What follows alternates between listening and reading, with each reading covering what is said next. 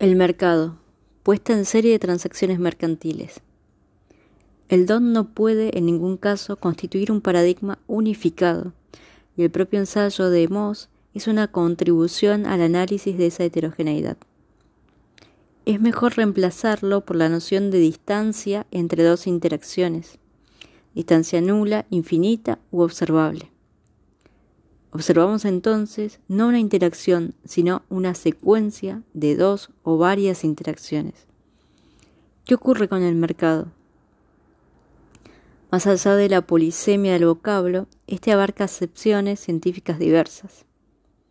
¿Se trata de una plaza de mercado, espacio de las transacciones? Esto es lo que estudian los sociólogos, etnólogos e historiadores de las ferias de mercados. ¿Se trata de un contrato puntual, como en la expresión hacer un negocio con alguien? Esto es lo que estudia la teoría denominada de los contratos, utilizada por ejemplo en la economía de trabajo. Se trata del encuentro teórico realizado entre una oferta y una demanda. Esta es la base sin cesar especificada y complejizada de la teoría económica estándar. ¿Se trata de la economía de mercado en toda su amplitud? Esto es lo que pretenden los teóricos de la economía. Para disipar la ambigüedad, puede resultar útil reemplazar provisoriamente la noción de mercado por la noción de transacción mercantil, que corresponde a la situación de distancia nula entre dos interacciones. La transacción mercantil, en efecto, como el intercambio de vasos de vino descrito por levi consiste en intercambiar dos objetos estrictamente equivalentes, o, más bien, un objeto contra su equivalente. Esta definición hace que la transacción se vuelva observable y permite aislarla como una unidad de observación para interrogarse a continuación. ¿A qué serie hay que integrarla? ¿A la de las transacciones mercantiles que conciernen al mismo bien? ¿O a las del conjunto de interacciones entre los mismos participantes, de donde había sido previamente extraída? Como los participantes aceptan la equivalencia entre los dos objetos intercambiados, y como la sola y como las dos interacciones, transferencia del objeto contra transferencia de su pago, son en realidad una sola, la transacción mercantil concierne a objetos en principio intercambiables, porque se reconoce su equivalencia, y ocurre entre individuos en principio intercambiables. El mismo precio rige sin importar quién sea el cliente. Deja de lado entonces cualquier elemento personal, al que neutraliza, invalida o pone entre paréntesis. La noción de transacción permite analizar las secuencias de las transacciones mercantiles, por ejemplo, las cadenas de intermediación mercantil. Nos habilita a interrogarnos no solamente sobre el mercado como conjunto teórico a veces realizado, de las transacciones mercantiles que conciernen al mismo bien, sino también sobre el comercio como una sucesión de transacciones dentro de un contexto.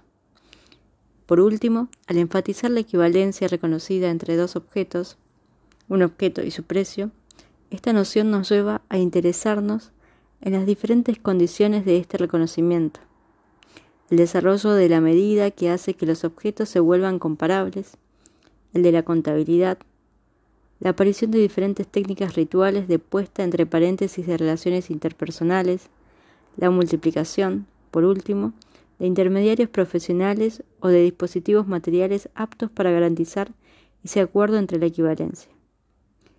Considerar la formación de un precio no como el resultado de modelos teóricos, sino como el resultado de procesos sociales observables que conllevan la creencia en la equivalencia de los objetos, permite interrogarse a la vez sobre las técnicas que establecen la equivalencia y sobre las discusiones o incluso conflictos que existen alrededor de estas equivalencias. La noción de precio justo, incomprensible para los economistas de hoy en día, es justamente uno de los conceptos nativos más importantes en materia de fijación de precio. Me parece que la falta de comprensión entre economistas y sociólogos o historiadores podría solucionarse en gran parte si se pudiera aceptar que la o las teorías económicas, desde este punto de vista, el análisis marxista no difiere del análisis marginalista.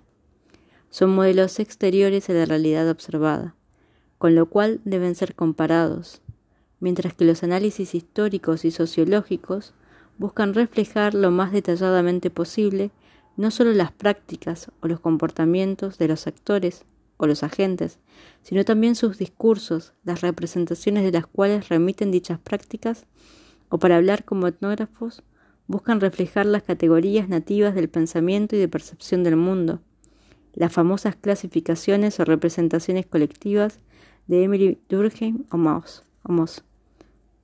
Los dos enfoques podrían converger en lugar de enfrentarse si pudiera reconocer su radical heterogeneidad epistemológica o más exactamente la inversión de las relaciones entre práctica y teoría, entre observación y modelo.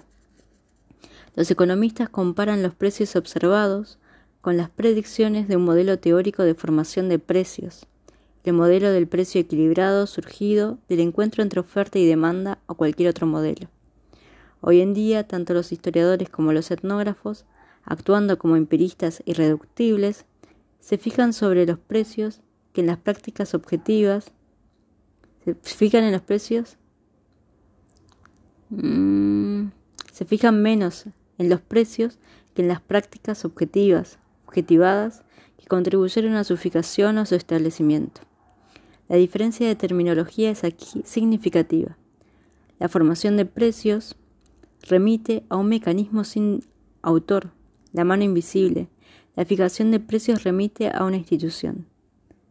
Sin embargo, muy pocas veces los precios son establecidos por decreto. No es el caso de los precios fijos ni de las tarifas. Le corresponde al historiador o al etnógrafo observar las modalidades concretas de reconocimiento de la equivalencia entre un objeto vendido y su precio, entre su servicio prestado y su precio, un reconocimiento de este tipo no se efectúa necesariamente a través del acuerdo y del compromiso, se establece a través del conflicto de las relaciones de fuerza. La relación mercantil ocupa un espacio estrecho en la guerra y la alianza interpersonal. Aunque las redes mercantiles están hoy, en día correctamente descritas como redes de alianzas, una anécdota permitirá tener, en, tener una idea de trabajo de pacificación de las relaciones que deben efectuar, yendo a veces en contra de ellos mismos. Los comerciantes frente a los clientes. La acción se sitúa en Camercy, en, perdón, en Clemcy,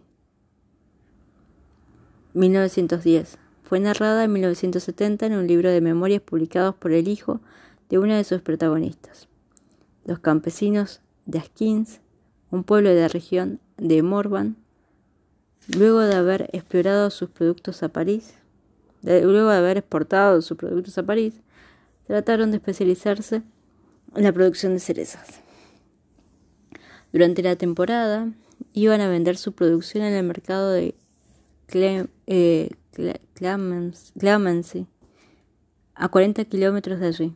Un día, exasperado por las dificultades que encontraba para vender sus productos, uno de esos comerciantes ocasionales interpela a una burguesa que duda frente a su puesto y la insulta. ¿Y vas a comprar mis cerezas, vieja bruja? Le tira puñados de cereza a la cabeza.